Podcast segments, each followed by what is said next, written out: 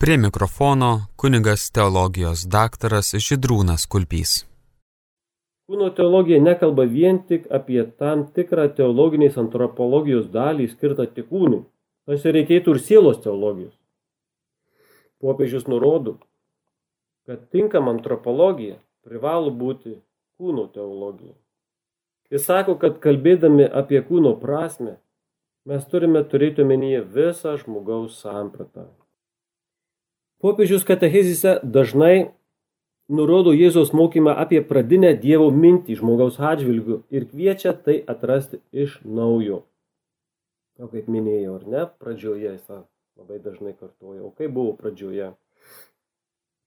Taigi, pirmiausia, jisai pristato antropologiją, o likusioje katechezių dalyje popiežius kalba apie tai, kaip ši jo pristatyta teologinė antropologija pritaikoma moraliniams klausimams, norint, kad žmogus ištikimai gyventų pagal savo įkūnymų tiesą.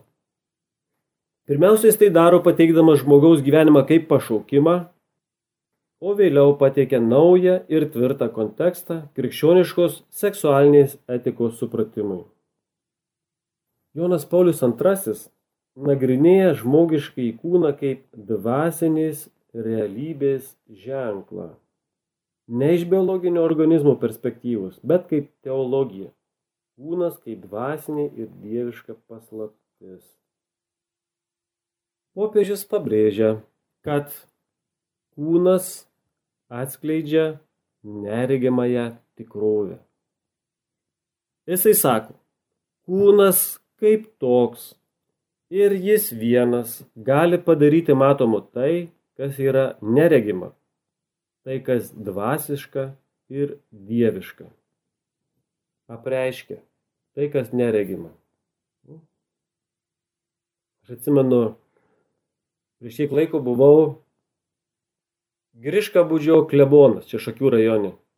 Ir katechetai paruošė vaikus pirmosios komunijos, man tik reikėjo išegzaminuoti ir vaikus ten pagal tą programą klausinėjai. Va, bet kartais e, įdomu, kokį išmaištų klausimą sugalvoti, nes vaikai irgi labai kūrybingi, tai malonu juos išgirsti atsakymus. Tai va, tokius e, plačius filosofinius klausimus va, pateikiau ir sakau, kas yra žmogus. Aišku, tai nėra programai tokių klausimų. Vat, ir viena mergaitė pagalvojo, sako, žmogus yra dvasia, tik įkūnyta. Ir vat, būtent jau tokia maža mergaitė, ketvirtokė, jinai pasakė tą, ką popiežius Jonas Paulius II, va, ką aš pasakiau, reiškia, mes esame dvasia, bet būtent mūsų kūnas ir apreiškia tą neregimą tikrovę. Jeigu ne mūsų kūnas, nu, mes negalėtume, kaip sakyti, komunikuoti, nes mes esame žmogiškos būtybės ir būtent tas kūnas mums yra kaip apreiškimas būtent to, kas yra mumise dvasiška ir dieviška. Popiežius tęsė toliau. Kūnas buvo sukurtas, kad į regimąją pasaulio plotmę perkeltų nuo netmenamų laikų dieve paslėptą paslaptį ir būti jos ženklu. Labai svarbus teiginys.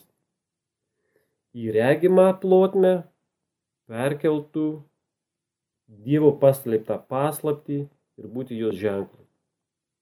Iš tikrųjų, šitą teiginį galima laikyti vienu iš pagrindinių, ne?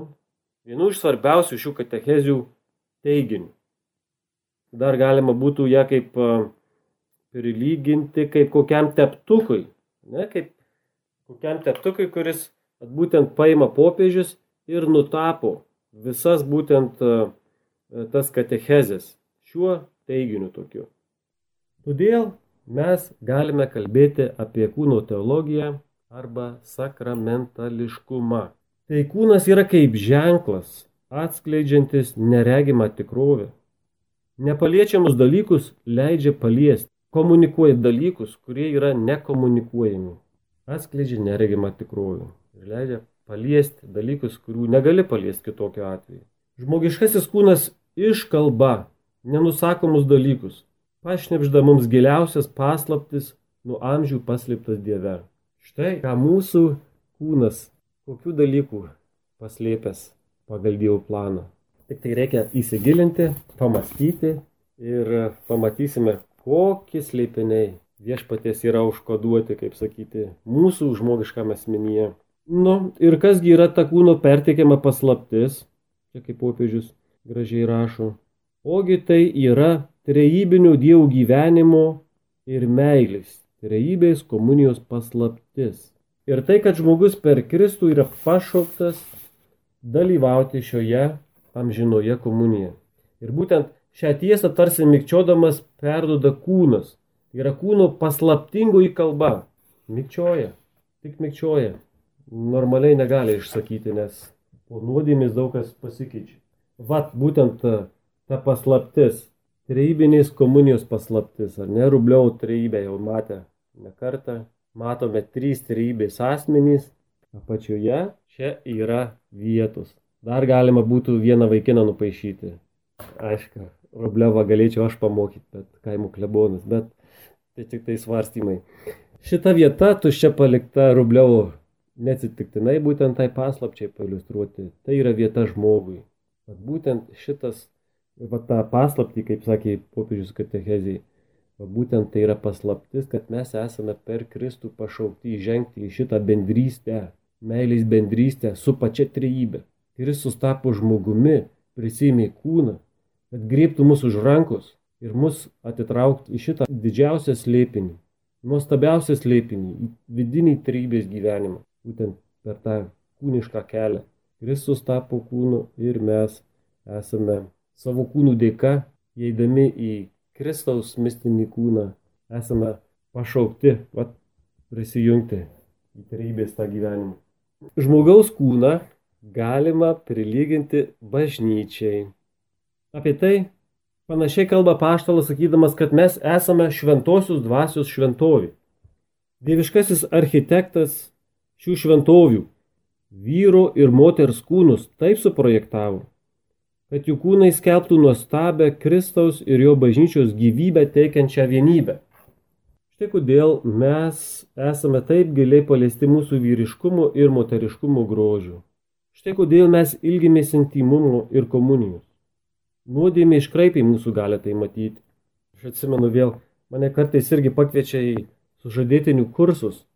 Ir tenai mes kalbame paskutiniam tom temom, tai būtent Dievas ir bažnyčia aš ten šiek tiek kalbu ir kažkada nusibodo man kalbėti ir sakau, dabar jau aš klausiu jūsų. Sakau, jūs jau čia mylit vienas kitą, sakyti, jau čia ruošitės apsiforminti jau visam gyvenimui ir taip toliau. Kas čia, sakau, yra su jumis, kad iš kur ta meilė atsiranda, kodėl jūs vat, mylite ir norite tuoktis, ar ne, kodėl taip atsitinka žmogui. Labai greitai man atsakė. Sako tai, kad taip sukurtas žmogus, meilė gimsta mūsų širdyje.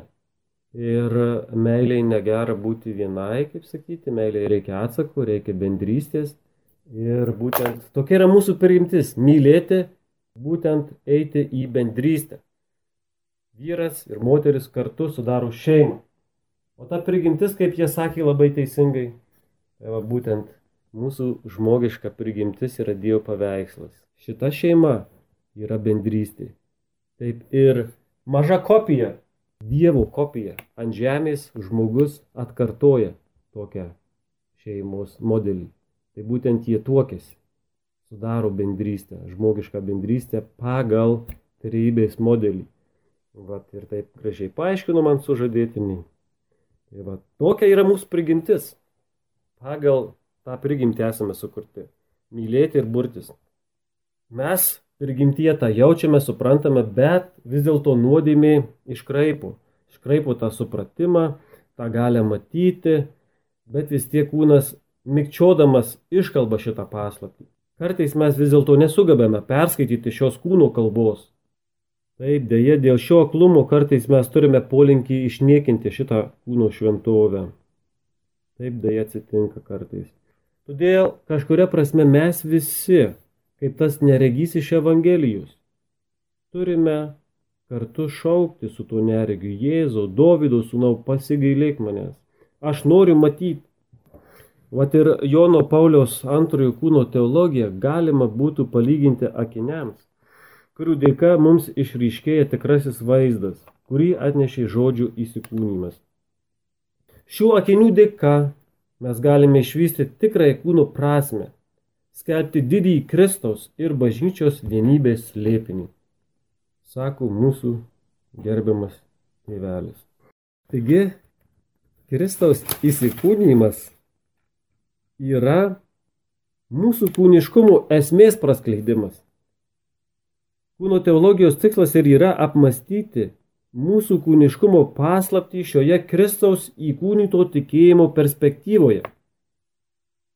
Dabar žiūrėkim, Vatikano antrojo susirinkimo tėvai taip sako. Šitą būtent užakcentuoja tą labai mintį svarbiai. Tik tai įsikūnijusio žodžio paslaptyje tikrai išryškėja ir žmogaus paslaptis. Tik per Kristaus įsikūnymą mes galime atrasti tą tikrąją žmogaus paslaptį. Todėl Jono Pauliaus santur pristatyta kūno teologija nėra vien tik katechezė apie santoką ir seksą. Tai yra krikščioniškas, edukacinis ir evangelinis mokymas apie tai, ką reiškia būti žmogumi. Krikščioniškas, edukacinis ir man labai patinka evangelinis. Net galima būtų pratesti evangelizacinis būtent mokymas. Nes čia yra puikiai proga evangelizuoti per šitos dalykus. Taigi, tai apima visą Dievo planą susijusi su žmogaus sukūrimu ir jo atpirkimu. Kristus atskleidžia mūsų neprilykstamą žmogiškai orumą, nes jis įsikūnydamas prisėmė ir mūsų prigimtį. Nuo to momento, kai jis būdamas Dievas priima mūsų žmogiškumą, jis padaro, kad kiekvienas žmogiškas aktas, išskyrus nuodėmį, tampa vertas Dievo. Kiekvienas žmogiškas aktas vertas Dievo, aišku, išskyrus nuodėmį. Štai, Jis mąstė, kaip mes mąstome. Viešpats Jėzus čia. Jis patyrė tai, ką mes patyrėme. Jis jautė kiekvieną žmogišką jausmą ir emociją. Jis kentėjo gilų skausmą. Jis kaip ir mes paragavo mirties. Taigi kiekvienas žmogiškas veiksmas per jį įgauna orumą vertą paties dievų nes jais dalinosi Kristus, Dievas ir žmogus. Taigi matome, kiek reikalų turim čia mes. Kūno teologija yra glaudžiai susijusi su antropologija. Ji yra jungtis tarp teologijos ir antropologijos. Yra nuodugnus ryšys tarp teologijos, kur yra studijos apie Dievą, ir antropologijos, kas yra žmogaus tyrinėjimas. Išeities taškas yra Kristaus įsikūnymas. Kūno teologija turi esminę reikšmę antropologiniam žmogaus studijavimui. Tik supratę kūno teologijos tiesas, mes galime pamatyti tikrai žmogaus prasme, kas jis yra ir kuo yra būti pašauktas. Tik tada suprantame, kaip jis turi gyventi. Štai čia matome, kad kūno teologija taip pat turi esminę svarbą krikščioniškai etikai. Žinodami, kas tai yra, galime iš jos atsigerti, o ne kalti vinį. Asmenų prigimtis, kalbant apie žmogų. Kristaus kūnas yra garbės tabernakulis, kuriame dievystė apsikabina su žmogyste ir negali būti atskirtos. Priimdami savo kūniškumą mes tampame pasiruošę priimti amžiną ir nenupelnytą dieviško gyvenimo dovaną kaip sako apaštalas Paulius laiškė kolosiečiams, juk Kristuje kūniškai gyvena visa dievystės pilnatvė. Kristuje, apsivilkusiame žmogaus kūną, mes matome žmogiškai Dievo veidą ir dieviškai žmogaus veidą. Jei pats Dievas priimė žmogaus kūną, Tai reiškia ne tik aukščiausio lygio palaiminimą visam fiziniam pasauliui, bet tai taip pat reiškia tam tikrą prasme žmogaus kūno sudievinimą. kuris neišvengiamai apima ir žmogiškai seksualumą. Todėl kūno teologijos perspektyvoje mes matome, kad negalima žiūrėti į kūniškumą ir seksualumą įtariai.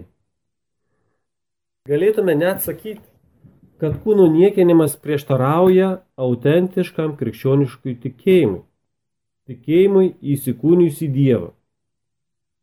Tai yra pasakojimas apie du brolius vienuolius, kurie būtent e, Dievą mylėjo, tarnavo ir vieną labai pagavo iš tikrųjų tokia pagava didelė, toksai reiškia jau Dievui visiškai tarnauti, e, nusimetė net drabužius, atsisakė valgyti ir išėjo į dykumą. Paliko brolį, jau viskas, jisai jau dedasi angelų, žinai. Nu ir ką, atėjo vakaras, sušalo žmogus, ralko, grįžta atgal, o brolis užsidaręs duris ir neįleidžia jojų, tas baladojasi ir sako, atidaryk, atidaryk, brolau, čia aš. Jis ant išbandymo sako, eik šalin šietonė, mano brolis angelas, nei apsirengęs, nei valgo. Ne, brolis sako, čia žinok, suklydau.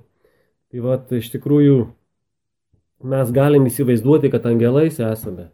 Bet dėja, dėja mes turime mūsų asmenyje ne tik dvasę, bet ir kūną. Ir reikiamai reikia šitą priimti, vertinti, garbinti Dievą už tai. Taigi per įsikūnymą kūniškumas yra išaukštintas ir tampa priemonė mums artintis prie Dievų. Tikintys Kristų žmonės sutinka Dievą ne per kokią nors išskirtinę dvasinę tikrovę, bet tiesiog per savo kūnus. Tai būtent kūnai. Per kūnus mes prisiliečiame prie Dievo. Tai vad būtent per kūnų nuplovimą vandeniu, per kūno patepimą aliejumi, per Kristaus kūno ir kraujo valgymą ir gėrimą, per rankų uždėjimą ir per tokią intymę gyvenišką patirtį, kurioje vyras ir moteris santokoje tampa vienu kūnu. Kūnas asmens raiška. Štai temeliai truputėlį irgi nauja tokia, kaip kūnas išreiškia asmenį. Popiežius įvardė kūną kaip regimą ženklą ir simbolį, per kurį apreiškiama tai, kas neregima. Kūnas kaip simbolis išreiškia visą žmogaus asmenį. Plačiai prasme kūną dar galime įvardinti kaip asmens sakramentą, nes šis sakramentas kūnas regimai atskleidžia neregimąją asmens realybę. Kiekvienas žmogus yra kaip matomas ir suprantamas žodis, kūniškai tariamas šiame pasaulyje ir turintis savitą identitetą. Žmogaus kūnas su visomis jo funkcijomis yra lygiai taip Dievo dovana, kaip ir pats gyvenimas. Žmonės todėl neturi absoliučios galios savo kūnų. Kaip mes negalime kištis ir klastoti savo gyvenimu.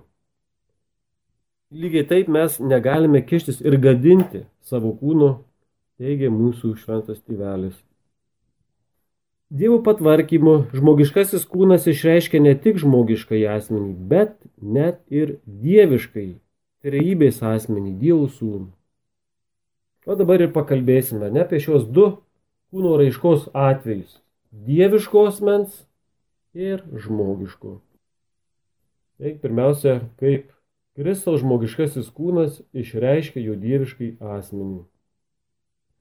Dievas panoro Kristuje įsikūnyti, todėl Kristaus kūnas yra simbolis ir sakramentas apreiškiantis ir išreiškiantis patį Dievą. Pat katekizmas moko, kad Kristaus žmogystė atrodo kaip sakramentas. Tai yra jo dievysės ir atnešto išganimo ženklas ir įrankis. Už to, kas jo žemiškame gyvenime buvo matoma, slypi neregimas jo dievystės, jo dieviškos sūnystės ir atpirkimo pasiuntinybės leipinys. Teologas Karl Rahner rašo, įsikūnė žodis yra absoliutus Dievo pasaulyje simbolis. Ir katekizmas apibendrina, kad Dievo sūnus savo žmogystei suteikia tokį asmeniškumą, kokiu egzistuoja trejybėje. Ir savo sielą, ir savo kūnu Kristus žmogiškai išreiškia dieviškai trejybės elgesį. Na, tą pačią tiesą būtent e, Kristus pasako apaštalams, gerai atsimename Jono Evangelijoje, jisai sako, kurie mato mane, mato tėvą. Dievo prieiškimas mus pasiekė kūnišką formą. Pats apreiškimas yra dieviškasis asmeninis savęs dovanojimas, kaip Dievo vidinio gyvenimo atskleidimas mus pasiekęs per įsikūniusi Dievo žodį. Dievas atsiskleidžia, ką reiškia Dievui būti Dievu.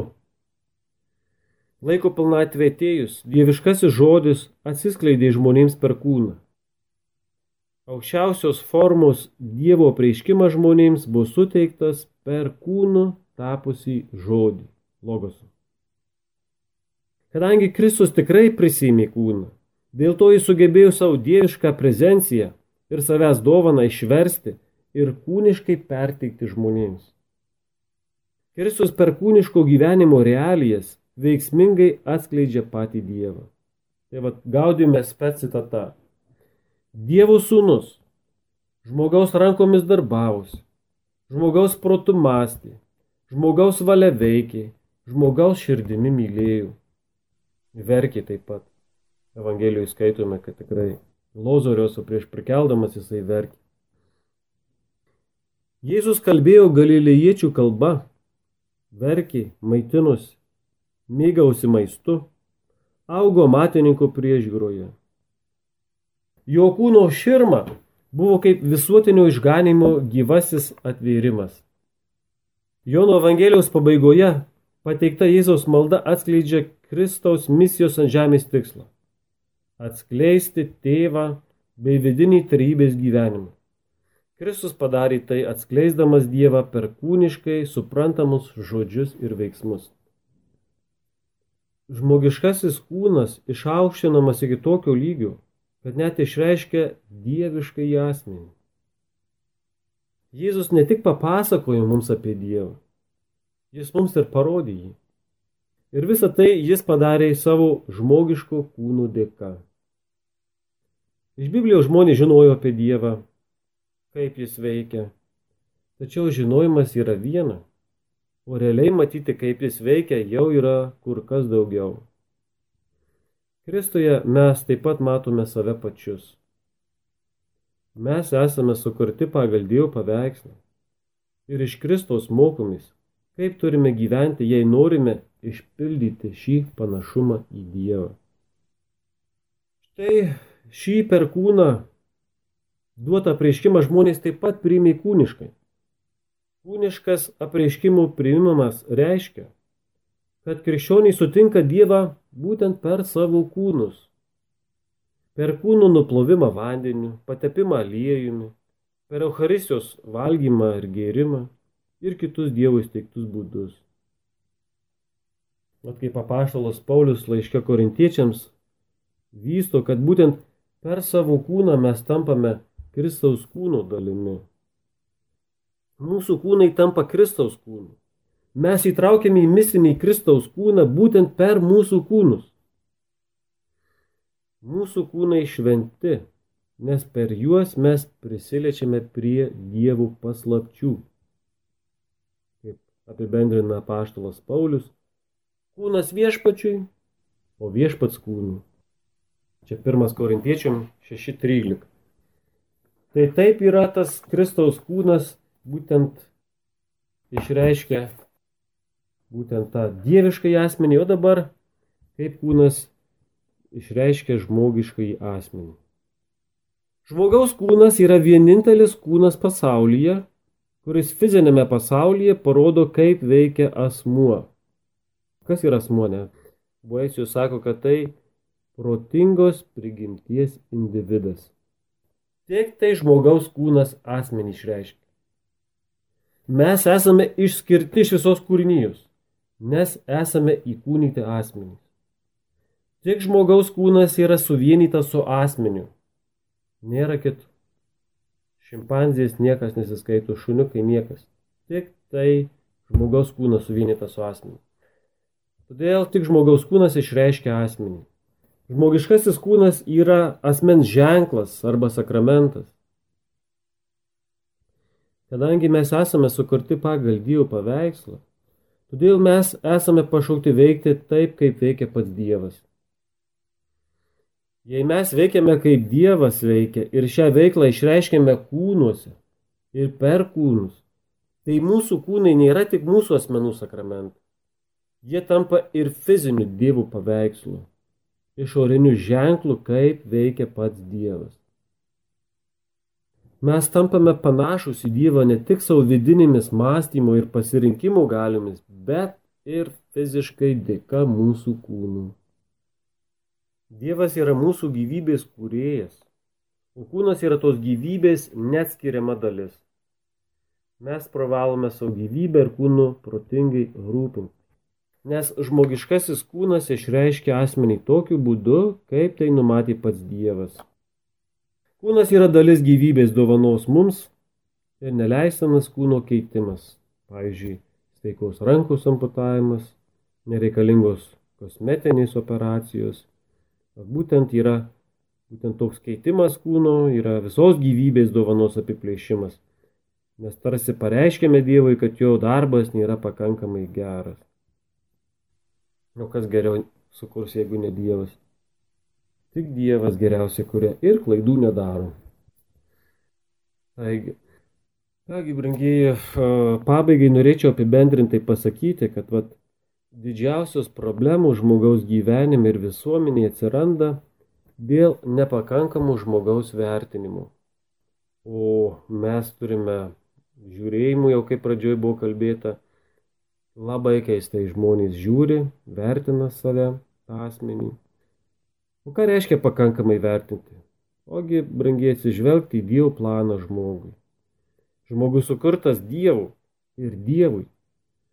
Ir visas kalbėjimas, aiškinimas apie žmogų privalo įtraukti Dievo tvarką jų atžvilgių. Žmogus nėra evoliucijos produktas.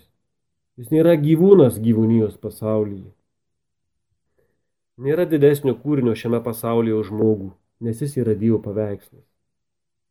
Ir būtent jau kitą mūsų susitikimą už savaitės mes paskirsime būtent šitai temai plėtoti, šitai kertiniai temai, kurią pristato popiežius savo kūno teologijos, aišku, visa Biblija ir, ir teologija. Tai būtent žmogus yra Dievo paveikslas. Būtent tam ir pakalbėsime. Klausimas, kodėl Dievas lyg ir laimina genų manipulacijas? Atrodo, lyg pritarė dirbtiniam apvaisinimui, klonavimui, nes ir tokiam kūnui duoda sielą, o kūnui gyvybę. Jautrus klausimas iš tikrųjų.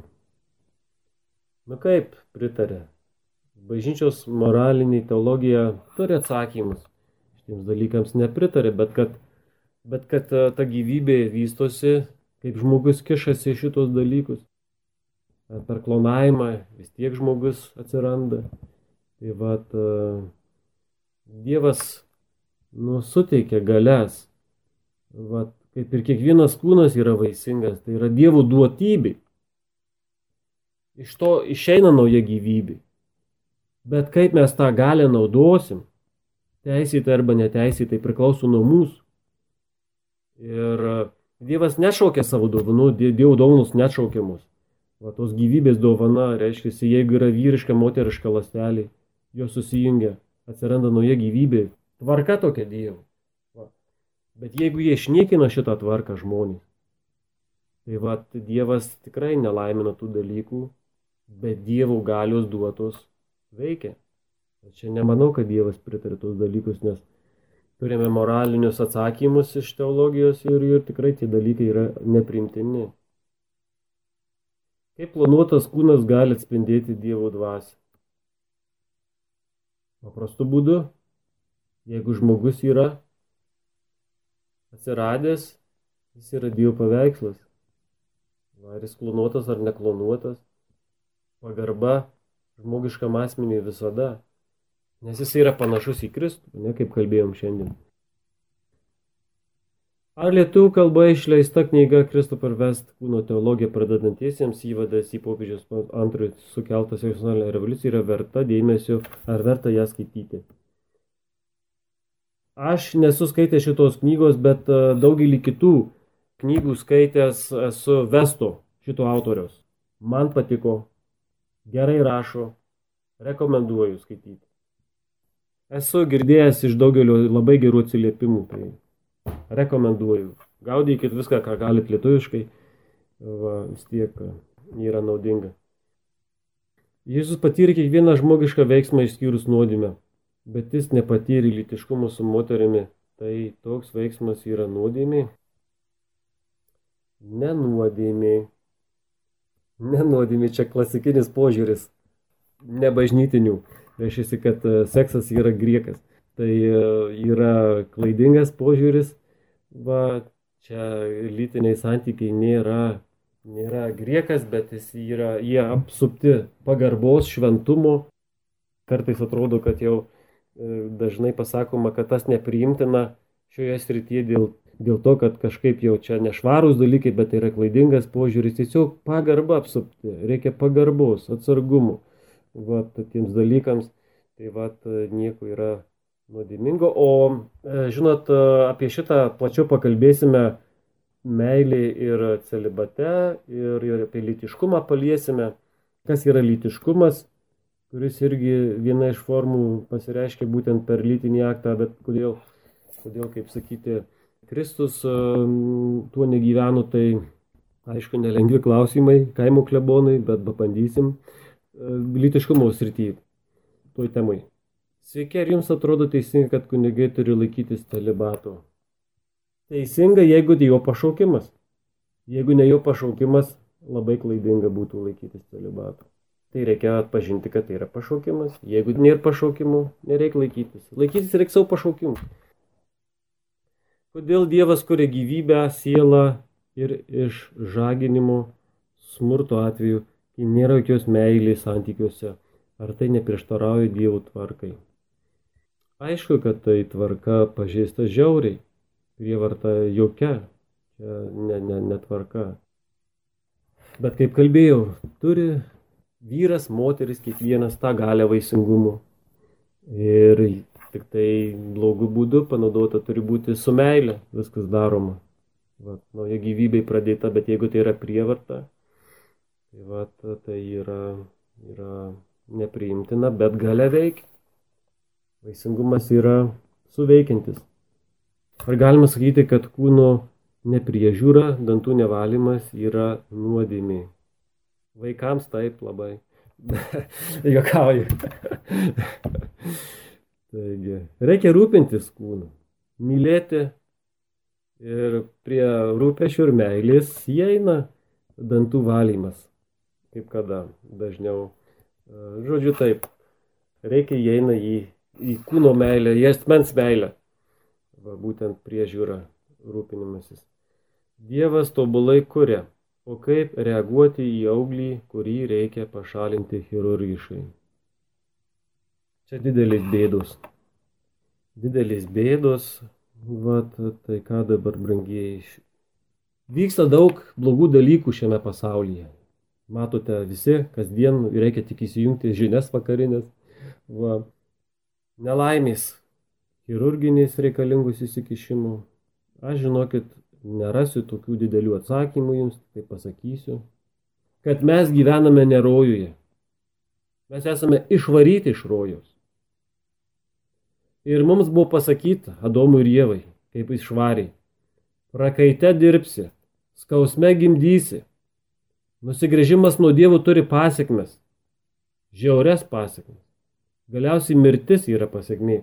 Tai vad mes esame išvyti iš rojos ir šitame pasaulyje, kur e, nerojus pasaulis ir e, siautėje blogis.